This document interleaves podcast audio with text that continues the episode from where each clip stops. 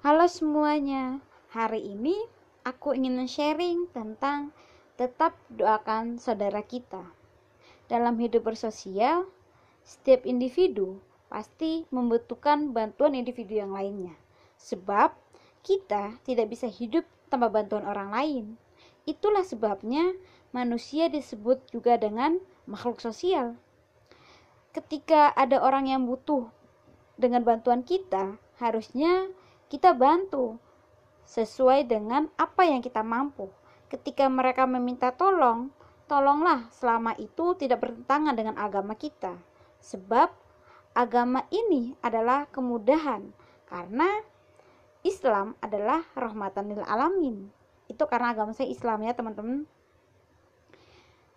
Jika tangan kita pendek untuk membalas kebaikan seseorang, maka panjangkan lisan kita untuk selalu mendoakannya.